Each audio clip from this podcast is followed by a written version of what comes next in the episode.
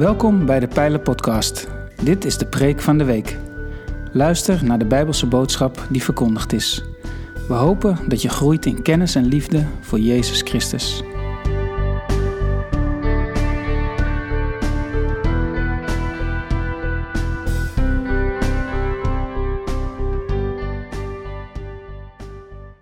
De Oscar-uitreikingen van 2020 zullen niet bekend staan om de Oscars die de film The Power of the Dog won. Ze zullen niet bekend staan om de mensen die de verliezers waren. De Oscars van 2020 zullen bekend staan als de Oscars waarin Will Smith, de presentator Chris Rock, een klap in zijn gezicht gaf.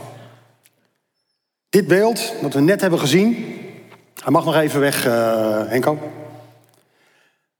Dit beeld dat we net hebben gezien is miljoenen keren bekeken op internet. Het gebeurt niet altijd. Will Smith heeft inmiddels ook een, een, een soort met boete gekregen. Hij mag tien jaar niet bij de Oscar-uitreikingen zijn. En als hij nou stinkend zijn best doet als acteur de komende tien jaar... en elk jaar genomineerd wordt voor een Oscar... dan gaan we kijken hoe hard ze dat vol kunnen houden. Maar het is nogal wat. En iedereen had een mening. Stel je vindt Will Smith een niet zo leuke acteur... Je zou eikel kunnen zeggen, maar het wordt uitgezonden, dus dat doe ik niet. Uh, maar stel je vindt Will Smith niet zo'n aardige acteur, dan uh, vind je al snel dat je dit niet mag doen. Stel je hebt een hekel aan Chris Rock, de presentator, dan vind je al snel dat je zo'n grap niet kan maken. En op social media waren de dag daarna waren de meningen voor en tegen, die vlogen je om de oren. Want ja, het is niet oké als iemand een grap maakt over een ziekte, want dat gebeurde er. De vrouw van Will Smith lijdt aan een ziekte waardoor ze haaruitval heeft. En daardoor heeft ze haar haar gemillimeterd. Ze heeft zeg maar mijn kapsel. Alleen anders dan bij haar is het bij, haar, bij mij is het bij haar geen keuze. En is het dan terecht als iemand daar een grap over maakt voor een miljoenen publiek? Mag je dan zo ingrijpen? Sommige mensen vinden van wel, anderen vinden van niet. Maar hoe dan ook, het gebeurde. En wat Henko net al even liet zien, er was een verslaggever van de metro die de volgende dag al liet zien dat Will Smith eigenlijk vond dat het ook niet kon. Toch excuses van Will Smith aan Chris Rock. Sorry, ik zat mis. En dan lees ik dat en dan denk ik, wie bedenkt zo'n krantenkop? Gewoon, hij zat helemaal niet mis. Dat was het probleem, het was keihard raak, toch? Ik bedoel, en dan verzin je zo'n krantenkop. Dan denk ik, eh, dit is niet wat hij gezegd heeft. Maar anyway, Will Smith heeft op een gegeven moment gezegd van... joh, luister, dit had ik niet moeten doen. Dat is fout. En dit kleine voorbeeld, samen met de oorlog in Oekraïne... die dagelijks onze beeldbuis vult... die roept bij ons de vraag op... wat moeten wij als christenen nou met geweld? Mag je, zoals Will Smith deed, op die manier jouw vrouw verdedigen? Of mag je, zoals Oekraïne nu doet, jouw land verdedigen tegen een land dat met geweld binnenvalt? En stel, de Oekraïne-oorlog breidt zich uit en de NAVO raakt erbij betrokken. Stel, het wordt heel groot. We hopen het niet, maar aan de andere kant, wij beslissen dat voorlopig nog niet. Zou Nederland geweld mogen gebruiken als wij onder aanval komen te liggen? En natuurlijk zou je denken, ja, wel. Maar wat zegt de Bijbel daar dan over? En geweld in de Bijbel is best een lastig onderwerp. Het komt er nog wel eens in voor. En soms lijkt het zelfs ook door God gesteund te worden. Het is een ontzettend lastig onderwerp. Daarom heb ik vandaag ook gevraagd: als je um, dingen wilt na kunnen lezen, neem even iets mee om aantekeningen op te maken. Dat mag oldschool op papier en pen. Ik had uh, Dick, die was al helemaal voorbereid, vertelde niet meer voor de dienst. Mag ook op je telefoon. Er komen nogal wat bijbelteksten voorbij. Ik kan dit onderwerp niet in één keer helemaal uitspitten. Wat ik wel kan doen, is wat redenen geven om na te denken. Ik begin nu met een barrage aan bijbelteksten. Neem het me niet kwalijk. De meeste worden geprojecteerd, sommige ook niet. Anders dan zitten we hier morgen nog. Ik begin even met klaagliederen 1, vers 12 tot en met 14. Jullie die hier voorbij gaan, raakt het jullie niet? Merk toch op en zie. Is er leed als het leed dat mij wordt aangedaan, dat de Heer op de dag van zijn toren over mij heeft uitgestort? Hij zond vuur uit de hoogte, dat in mijn gebeente neerdaalde. Hij spande een valstrik voor mij, hij deed mij terugdeinzen. Hij verwoestte mijn leven en maakte muziek, dag na dag. Hij heeft mijn overtredingen gebundeld en ze vastgemaakt als een juk. Ze drukken zwaar op mijn nek, mijn kracht is gebroken. De Heer heeft mij uitgeleverd aan hen bij wie ik weerloos ben. Hier stelt de schrijver dat God hem straft voor ontrouw. Hem wordt leed aangedaan. Hij wordt zelfs weerloos uitgeleverd. We lezen een stukje Deuteronomium 7, vers 15 tot en met 18. De Heer zal u vrijwaren van elke ziekte. Hij zal u alle kwalen die u zich uit Egypte herinnert besparen en ze voor uw vijanden bestemmen. Tot zover klinkt het goed. U moet alle volken die hij aan u uitlevert vernietigen zonder medelijden te tonen. Dien hun goden niet, want dat zou uw ondergang betekenen. Misschien denkt u bij uzelf, die volken zijn groter dan wij. Hoe zouden wij ze kunnen verslaan? Wees niet bang voor hen en bedenk wat de Heer, uw God, de farao en heel Egypte heeft aangedaan. Hier krijgt het volk de opdracht om stevig geweld te gebruiken om hun land terug te veroveren. En als laatste van deze serie, nummer 15, vers 32 tot en met 35. Tijdens hun verblijf, het eh, volk Israël, in de woestijn, troffen de Israëlieten eens een man aan die op de Sabbat hout aan het sprokkelen was. Degenen die hem aangetroffen hadden, brachten hem voor Mozes en Aaron en voor de hele gemeenschap. Hij werd in bewaring gesteld, omdat nog niet was bepaald wat er met zo iemand moest gebeuren. De Heer zei tegen Mozes: Die man moet gedood worden. De hele gemeenschap moet hem buiten het kamp stenigen. Hier moet iemand worden gedood vanwege het overtreden van regels. En datgene wat we dan lezen, zo in drie fragmenten uit het Oude Testament, dat lijkt nogal te botsen bij, met mijn kerntekst van vandaag. Want mijn kerntekst komt uit Matthäus 5, de versen 38 tot en met 44. Waarin Jezus een toespraak houdt, een van zijn bekendste toespraken, dat is ook een van mijn favoriete toespraken. En daar zegt hij het volgende. Jullie hebben gehoord dat gezegd werd: een oog voor een oog en een tand voor een tand. Dit zeg ik daarover. Verzet je niet tegen wie kwaad doet, maar keer degene die je op de rechterwang slaat ook de linkerwang toe. Als iemand een proces tegen je wil voeren en je onderkleed van je wil afnemen, sta hem dan ook je bovenkleed af. En als iemand je dwingt eenmaal met hem mee te gaan, loop er dan twee met hem op. Als iemand iets van je vraagt, geef het hem en keer je niet af van wie geld van je wil lenen. Jullie hebben gehoord dat gezegd werd: je moet je naaste lief hebben en je vijand haten. Dit zeg ik daarover. Heb je vijanden lief en bid voor wie jullie vervolgen. Jezus biedt hier een pacifistische oplossing. Een wereld waar geweld niet het standaard antwoord is op geweld. Verzet je niet tegen wie kwaad doet. Als iemand je slaat, keer dan ook de andere wang toe. Als iemand van je wil stelen, geef hem dan nog meer dan waar hij voor kwam. Als iemand je dwingt om een dag te helpen, help dan vrijwillig een tweede dag. Als iemand iets van je vraagt, geef het dan. En als iemand jouw vijand is, bid dan voor hem. Breng liefde voor hem op. Dat klinkt heel vredelievend, heel pacifistisch. En het beeld dat Jezus hier schetst is een weg zonder geweld. En dan zou je kunnen zeggen, en dat zeggen ook veel mensen, dat God in het Oude Testament nogal afwijkt van wat Jezus ons leert in het Nieuwe Testament. Dan heb je zeg maar twee persoonlijkheden. De ene staat geweld toe en moedigt het zelfs aan, en de ander keurt het af. Maar toch is dat ook niet helemaal waar. Als we bijvoorbeeld kijken naar de details van wat we net hebben gelezen, in vers 39 wordt gesproken over de andere wang toekeren. In Klaagliederen 3, vers 30 staat: Laat hij zijn wang bieden aan wie hem slaat. Laat hij verzadigd raken van hoon. Vers 42, dan wordt er gezegd dat je vrijgevig moet zijn als je iemand iets van je vraagt. Deuteronomie 15, vers 11. Armen zullen er altijd zijn bij u. Daarom gebied ik u vrijgevig te zijn tegenover iedereen in uw land die in armoede leeft of er slecht aan toe is. En in vers 43 haalt Jezus Leviticus 19, vers 18 aan. Blijf geen wraakzucht of rokhoesteren, maar heb je naaste lief als jezelf. Ik ben de Heer. Dus datgene waar we moeite mee hebben in het Oude Testament, geeft niet een compleet beeld van hoe God zich daar openbaart. Sommige van de meest vredelievende teksten die Jezus uit, zijn rechtstreeks uit het Oude Testament afkomstig.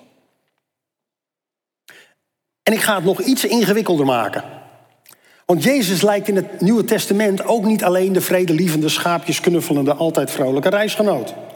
In Matthäus 10, vers 34 zegt hij: Denk niet dat ik gekomen ben om op aarde vrede te brengen. Ik ben niet gekomen om vrede te brengen, maar het zwaard. En in Lucas 22, vers 36, vlak voordat hij gearresteerd wordt, zegt hij tegen zijn discipelen: Maar wie nu een geldbuidel heeft, moet die meenemen, evenals zijn reistas. En wie er geen heeft, moet zijn mantel verkopen en zich een zwaard aanschaffen. Het zijn een heleboel teksten zo door elkaar. Maar het probleem van geweld, daar worstelen wij christenen al eeuwen mee. En het blijft een lastig verhaal omdat God in beide testamenten, in het oude door de mond van profeten en in het nieuwe door de woorden van Jezus, lijkt te laten zien dat geweld soms best een oplossing kan zijn, maar soms ook gewoon helemaal niet kan. En door de eeuwen heen is het gevaarlijk gebleken als dit soort teksten geïsoleerd werden gebruikt. Als dit soort teksten niet werden gebruikt met wat meer context en wat meer kennis. Dan kan, dan kon het, dat heeft het ook gedaan, tot schade leiden. En een disclaimer vooraf, ik ga dit vandaag niet voor ons oplossen. Ik ben niet vannacht gaan slapen en kreeg een heldere ingeving en een droom waarin God zei: Ik wil dat je dit gaat vertellen, want zo moet je omgaan met geweld, helaas. Dus ik hoop dat de verwachtingen kunnen een beetje bijgesteld worden. Maar omdat geweld en de oproep daartoe steeds harder klinkt in de wereld om ons heen, is het een te belangrijk onderwerp om niet te behandelen als we het hebben over recht en rechtvaardigheid. Want wat is dan rechtvaardig? Ik wil vandaag wel proberen om wat handvatten aan te reiken die grip zouden kunnen geven op deze taaie materie. Maar ik heb één overkoepelend advies wat boven die vier handvatten uitgaat en die geef ik nu alvast. Bid in elke situatie God om wijsheid. En als je dat gedaan hebt, bid daarna om de kracht om die wijsheid ook uit te voeren. Dat is de hoofdtip, die staat overal boven. Bid God om wijsheid en daarna de kracht om die wijsheid ook uit te voeren, om daarna te durven handelen. Oké, vier handvatten. Ik begin met handvat 1. Geweld zat niet in plan A. In het begin van de schepping was er vrede. De mens wandelde in de tuin met God. Pas toen de mens besloot om ongehoorzaam te zijn, begon de ellende. Maar dit plan A voor God heeft nog steeds zeggingskracht. En dat blijkt uit de rest van de Bijbel.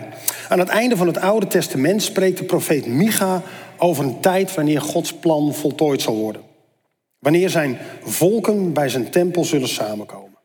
In Micha 4, vers 3 lezen we: Hij, God, zal recht spreken tussen machtige volken en over grote en verre naties een oordeel vellen. Dan zullen zij hun zwaarden omsmeden tot ploegijzers en hun speren tot snoeimessen. Geen volk zal meer het zwaard trekken tegen een ander volk. Geen mens zal nog de wapens leren hanteren. En dit staat ergens een beetje eh, richting de komst van Jezus, een beetje in het midden van de Bijbel, zeg maar. En aan het einde van de Bijbel, in openbaring, is ook het einddoel van God duidelijk. In openbaring 21, vers 4 lezen we, Hij zal alle tranen uit hun ogen wissen. Er zal geen dood meer zijn, geen rouw, geen jammerklacht, geen pijn. Want wat eerst was, is voorbij. Het geweld dat we zien in de schepping is dus een gevolg van menselijke keuzes. Maar ja, dan kun je je natuurlijk afvragen, kan God dan niet ingrijpen? En soms lezen we dat hij dat doet in de Bijbel en soms horen we in onze tijd ook nog verhalen over momenten waar God heeft ingegrepen. Maar elke keer als God ingrijpt, dan betekent het dat God zich bemoeit met keuzes die hij ten diepste aan ons als mensen heeft overgelaten. En je kunt dan zeggen, lekker makkelijk, maar dat is wel de basis waarop God gekozen heeft voor een relatie met ons. Dat wij uit onze eigen vrije wil zijn vrije wil kunnen beantwoorden. Als dat wegvalt, dan worden we alleen nog maar marionetten in een poppentheater. En ingrijpen lijkt me dan voor God enorm lastig, omdat hij dan bijvoorbeeld mijn eigen wil boven de eigen wil van Meerte zou moeten plaatsen. En op de een of andere manier zijn wij voor God allebei even belangrijk. Dus waarom zou mijn eigen wil dan belangrijker zijn? mijn eigen keuze. In de preek die ik een paar weken geleden heb gehouden over Marcus 10, heb ik het gehad over Gods plan A. Dat is die lat die ongeveer hier ligt, weet je nog? En dat ons vermogen is om hieronder, daar zitten wij ergens, tussen net niet en helemaal mis. Daar zit onze rijkwijde. Wij komen niet in alle gevallen over de lat van God. Dat fixen we gewoon niet. En God komt ons daar tegemoet. Niet omdat Hij voor die weg gekozen heeft, maar omdat wij voor die weg gekozen hebben. Dus handvat 1. Geweld hoort niet bij plan A. Het tweede handvat. Taal zegt meer dan je leest. Dat is op zich al een zin die je een paar keer moet lezen. Taal zegt meer dan je leest. En dit is een beetje een lastig handvat. Want het gaat om het gegeven dat de Bijbel is geschreven door verschillende mensen in verschillende tijden. En die hebben iets willen doorgeven aan de mensen uit hun tijd. Je moet dus bij een tekst eigenlijk altijd kijken wanneer iemand het geschreven heeft, wie het geschreven heeft. En hoe iemand uit die tijd de tekst zou lezen. Want daar is de tekst voor bedoeld. En ik geef toe, soms spreekt, de Bijbel dwars door alle eeuwen heen in exact dezelfde woorden. Dan hoef je niet allerlei moeilijke vertaaltrucs uit te halen of te kijken hoe of wat. Maar zeker als het gaat om teksten rondom geweld, dan is het een goede zaak om je te verdiepen in wat er staat en waarom het er staat. Als wij bijvoorbeeld iets lezen in de Bijbel over Babylon, dan zegt ons dat weinig. Maar voor de mensen uit de tijd van de schrijvers was Babylon een land wat net zo reëel was als voor ons Duitsland of België. In ons wereldbeeld heeft geweld geen standaard plaats meer. We hebben door de decennia heen geleerd dat je problemen ook gewoon met praten kunt oplossen.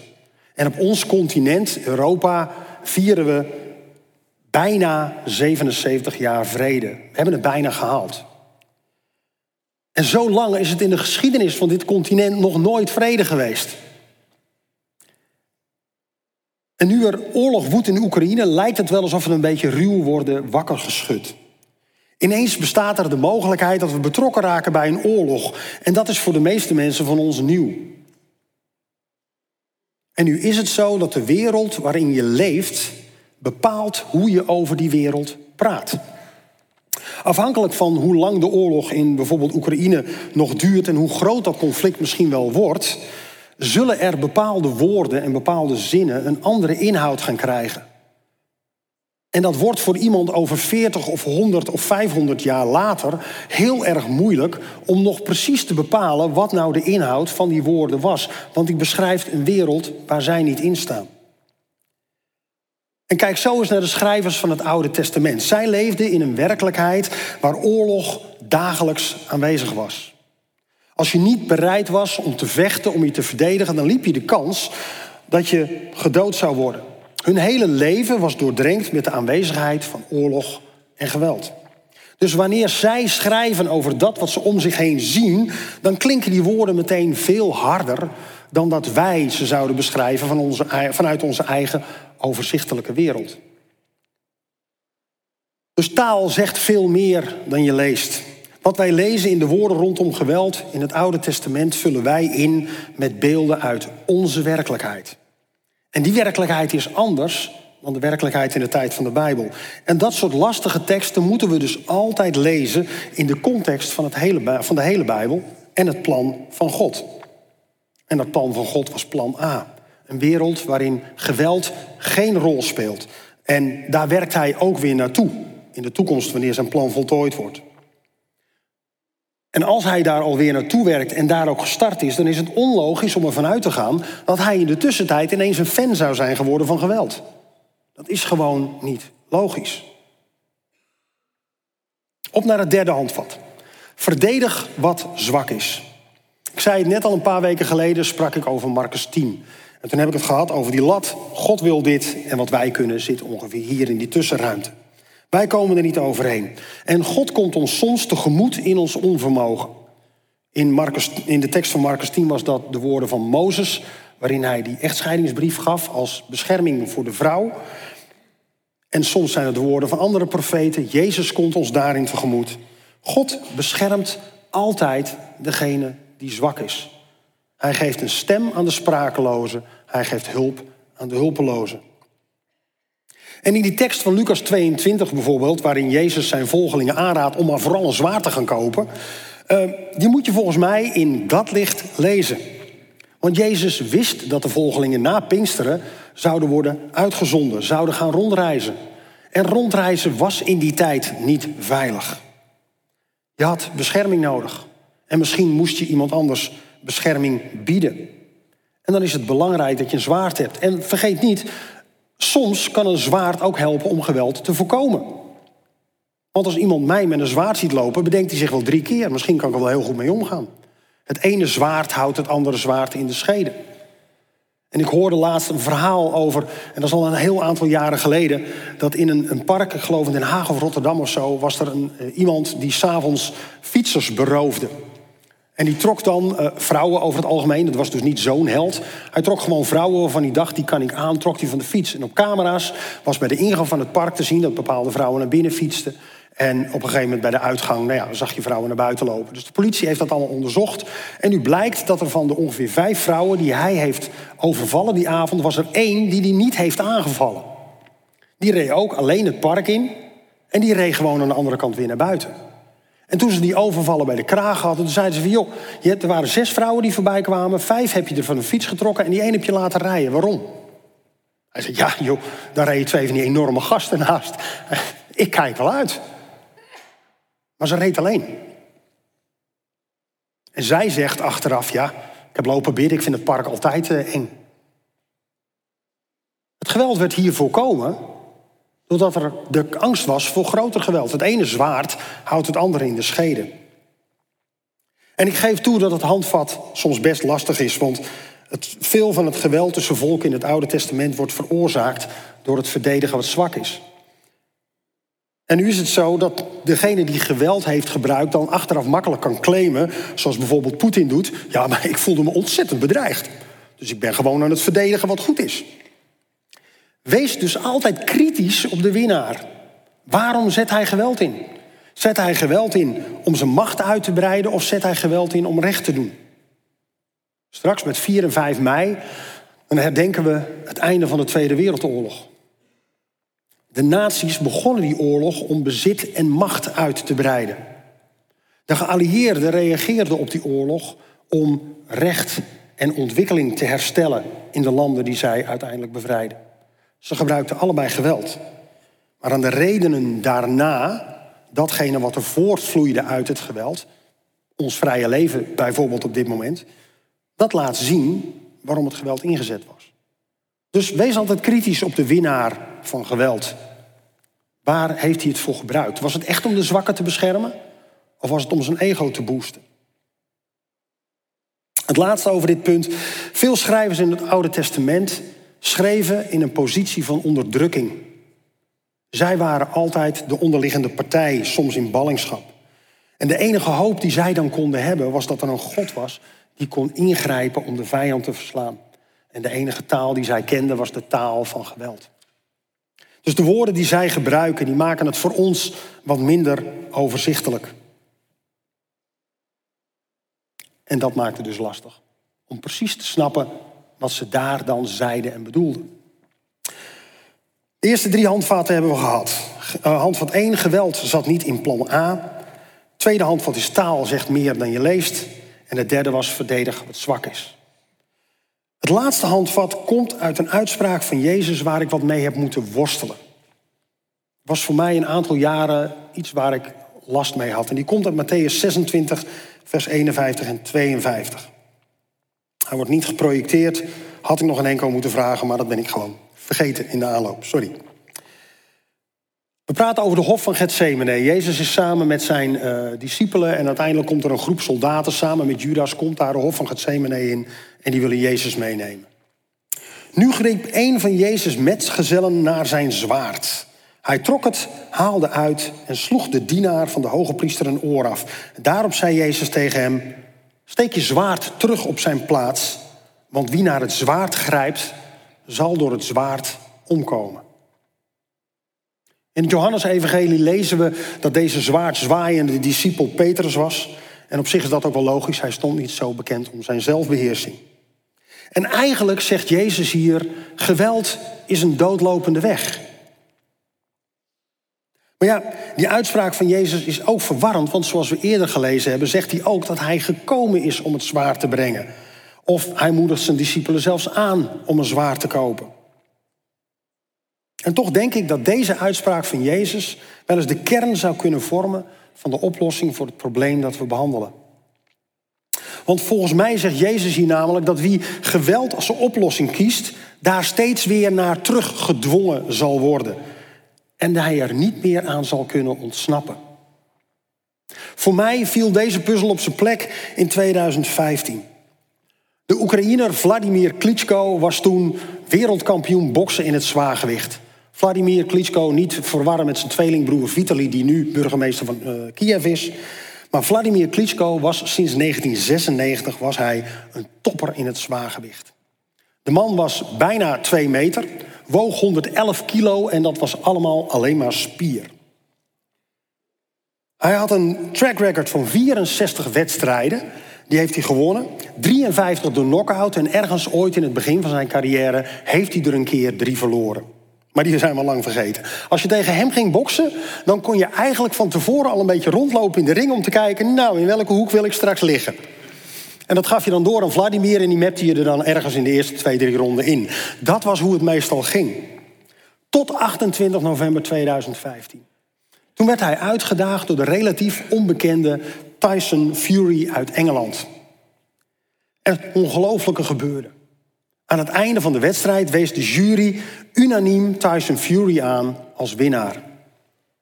En toen ik dit las, viel bij mij ineens op zijn plek dat wie vertrouwt op zijn kracht, op zijn zwaard, op geweld, op de sterkte van zijn leger of wat dan ook, dat werkt alleen maar als je altijd de sterkste blijft.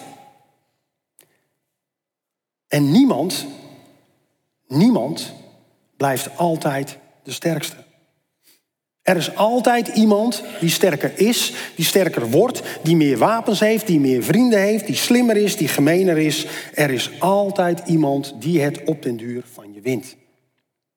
Daarom is geweld een doodlopende weg. Uiteindelijk verlies je. Soms duurt het wat langer, maar uiteindelijk verlies je. En alles wat je met je geweld gewonnen had, zul je dan kwijt zijn. Jezus had gelijk. Als je het zwaard opneemt, is het een kwestie van tijd voordat er iemand komt die er beter in is dan jou of sneller. En toch, ondanks dat het geweld niet bij Gods plan A hoort, beweegt God zich soms in de ruimte onder die lat. En hij creëert daar ruimte voor de verdrukte en de zwakke. Degene waarvoor niemand anders opkomt. Vier handvatten. Handvat 1. Geweld zat niet in plan A. God wil gewoon geen geweld. Dat is het begin, dat is het einde en er staan voldoende reminders in de Bijbel om dat te vertellen. Handvat 2. Taal zegt meer dan je leest. Probeer te lezen met de ogen van die tijd en die omstandigheden. Handvat 3. Verdedig wat zwak is. God beschermt het zwakke. Dat mogen wij ook, maar vecht nooit om macht. En handvat 4. Geweld is een doodlopende weg. Leef niet met het zwaard, want dan zal het ook niet je leven beheersen. Terug naar de beginvraag. Mogen we ons verdedigen als we worden aangevallen? Natuurlijk mag dat. Of het ook moet met de middelen die je hebt, is een vraag die je zelf steeds moet beantwoorden. En of het ook altijd oplevert wat we graag willen, zal pas later blijken. Is God tegen geweld? Absoluut. Zijn plan was en is dat de relatie tussen de mensen onderling en de relatie tussen mens en God niet gediend wordt door geweld. En het leven van Jezus is daarom ons meest belangrijke spiegelbeeld. In Hem zien we hoe het zou moeten. In Hem zien we dat het liefdevol verdragen van onrecht gaat boven het verdedigen van ons ego.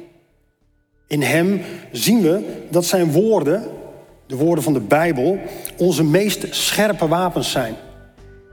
In Hem zien we dat gebed onze meest effectieve gevechtshouding is.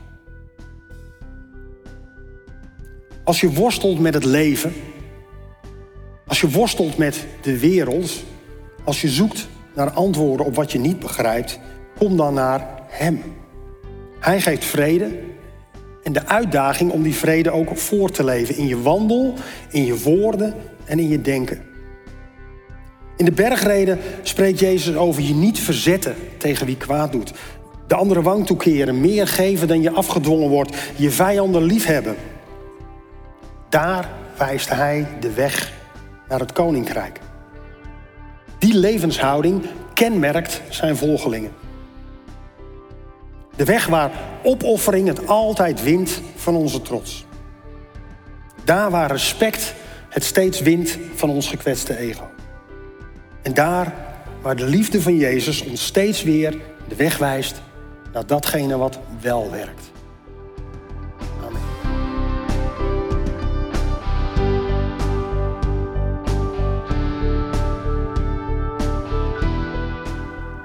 Bedankt voor het luisteren naar deze aflevering van de Pijler Podcast, Preek van de Week. Heb je vragen naar aanleiding van deze preek? Stel ze. Dat kan via een e-mail naar onderwijs.pijler.nl. We helpen je graag verder in je groei als leerling van Jezus Christus. Abonneer je op deze podcast, zodat je altijd op de hoogte blijft van het onderwijs uit de Pijler. Goede week gewenst, ga in vrede, want God is nabij.